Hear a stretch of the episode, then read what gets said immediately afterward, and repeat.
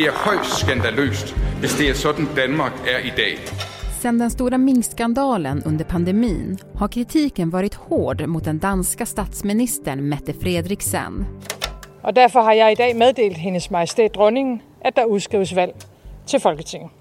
Nu har hon utlyst val till Folketinget efter hot om att annars avsättas. Och det är ett ödesval för statsministern själv. Alla djur inom den omfattande danska minkuppfödningen ska avlivas. Det syns det är våldsamt. Kommer minkskandalen bli hennes fall? På en kvart får du veta hur verkligheten verkar imitera tv-serien Borgen. Du är inte statsminister längre, Birgitte. Och vad som står på spel i dansk politik. Det är måndag den 31 oktober. Det här är Dagens Story från Svenska Dagbladet med mig, Alexandra Karlsson.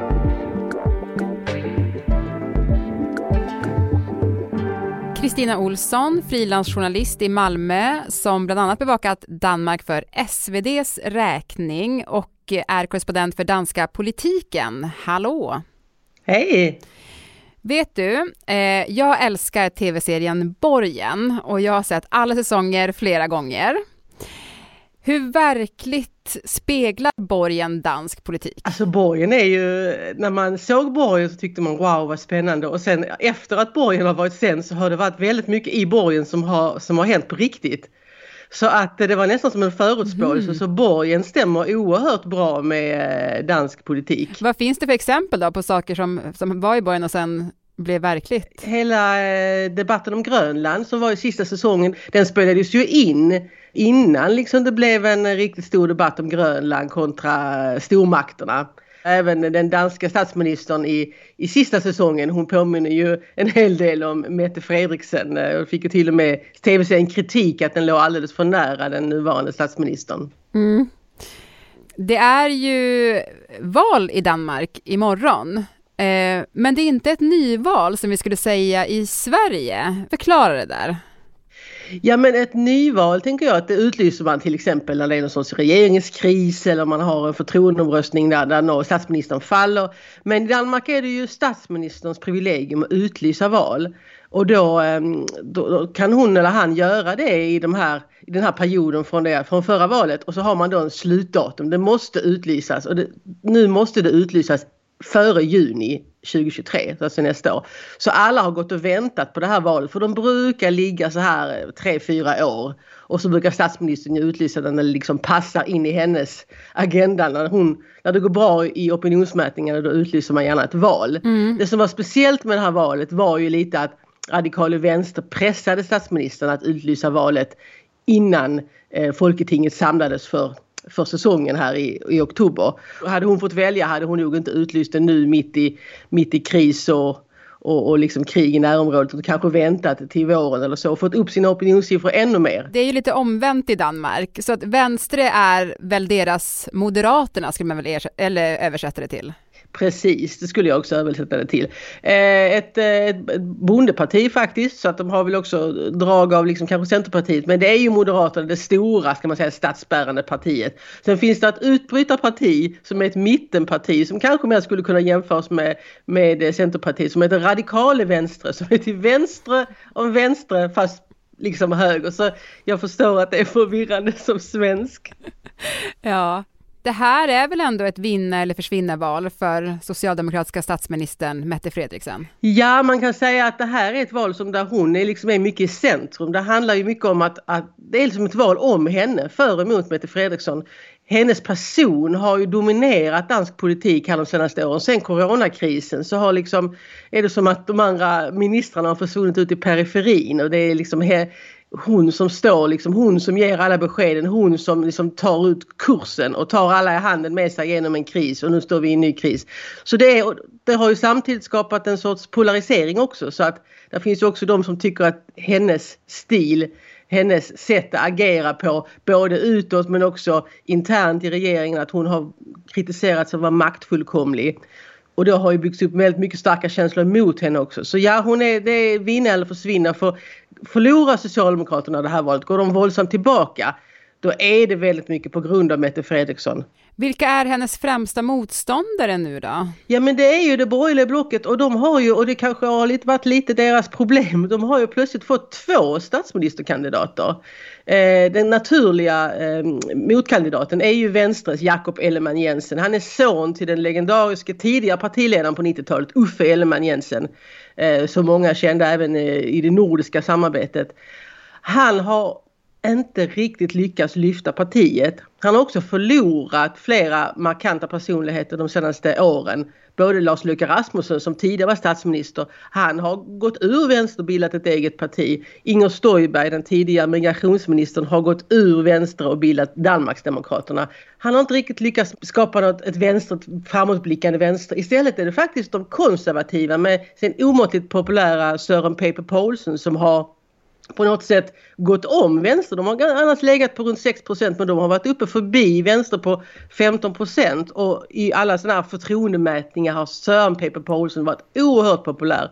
Så i somras när det såg ut som att det låg riktigt till för borgerliga blocket, de hade, det gick riktigt bra för dem, då gick han ut och sa att nu är jag också statsministerkandidat. Mm-hmm. Men sedan dess har det bara regnat med olika skandaler över Sören Pape Poulsens huvud. Så på några månader har han gått från liksom vara den solklara nästa statsministern till att, att ingen idag riktigt ser honom som en kommande statsminister. Han kallade till exempel precis i början av valrörelsen Grönland för Afrika på is.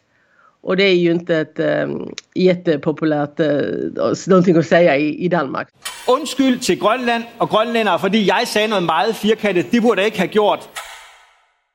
Men Mette Fredriksson då, hon blev eh, statsminister 2019 eh, och från början hade hon väl ett stort väljarstöd. Alltså vad var det som, som hände sen då? Ja men alltså när vi kom in i coronakrisen våren 2020 när hon bara på efter några, liksom, några dagar eh, stängde ner hela Danmark. Stängde gränserna, stängde skolorna, stängde eh, den offentliga sektorn, skickade hem alla. Alltså det var, hela Danmark gick liksom i nedstängning. Då, var, då stod hon oerhört starkt. Hon pratade om det här sam, samfundssinne, alltså samhällssinne. Tillbaka till andra världskriget när vi också stod samman mot en yttre fiende, i det här fallet då coronan. Hon hade, fick otroligt höga siffror där de första par månaderna. Hon hyllades. Eh, och sen trodde ju många i Danmark att det var corona över. Sen kom corona tillbaka igen. Sen blev det nya nedstängningar. Då började liksom, då började det klagas lite. Är det verkligen, ska vi verkligen stänga ner så mycket? Man tittar ju mycket över mot Sverige också såklart. Behöver vi stänga ner? Jag menar, det var ju folk som gick på knäna. Eh, det var barn som skickades hem från skolorna som mådde dåligt. Då det började uppstå en massa problem. Sen kom ju den här så kallade minkskandalen.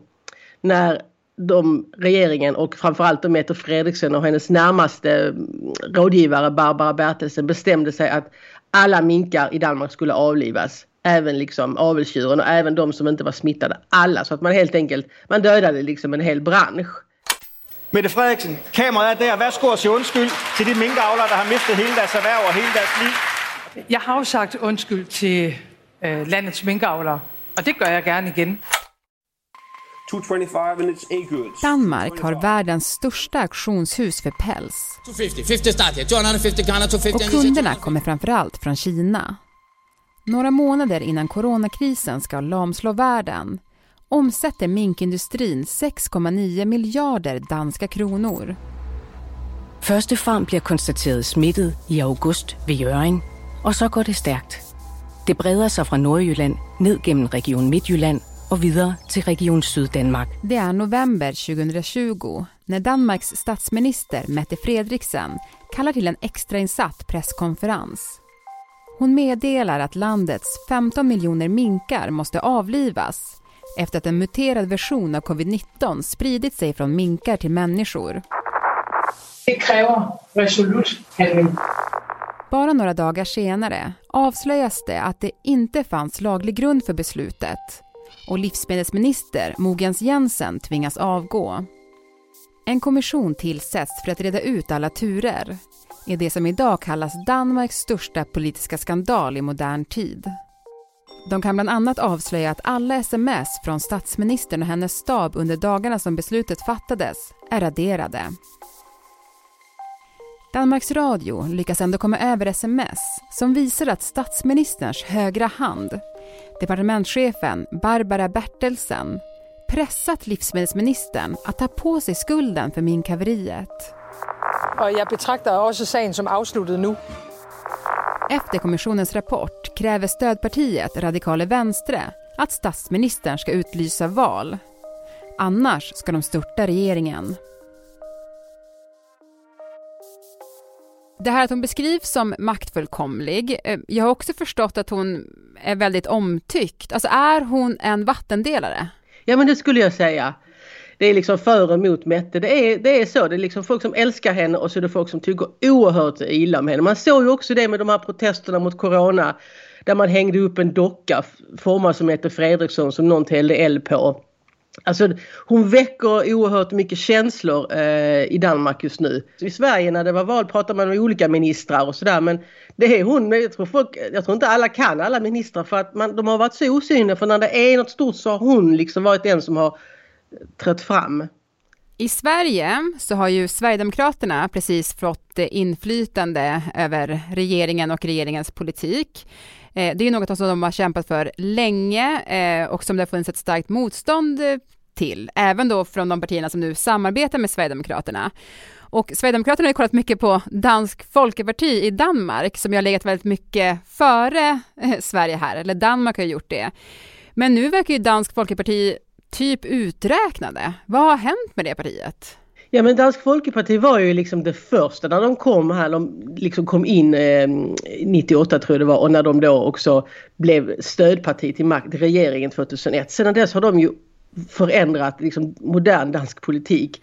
De har ju verkligen eh, tagit in invandringskritiken i dansk politik så att den på något sätt har genomsyrat väldigt mycket som har hänt de senaste 20 åren. Men sen har det hänt flera saker. En sak var ju att de valde att stå utanför regeringssamarbetet. Och hade de varit ett stödparti med stort inflytande i många år men aldrig suttit i regeringen. Då fick de erbjudandet att komma i regeringen, valde att stå utanför. Det tror jag var, var en del som eh, väljare som tyckte inte var, eh, var helt bra. Sen har ju faktiskt Socialdemokraterna och då bland annat Mette Fredriksson varit oerhört skickliga och tagit stora delar av Dansk Folkepartis politik när det på migrationsområdet och gjort den till sin.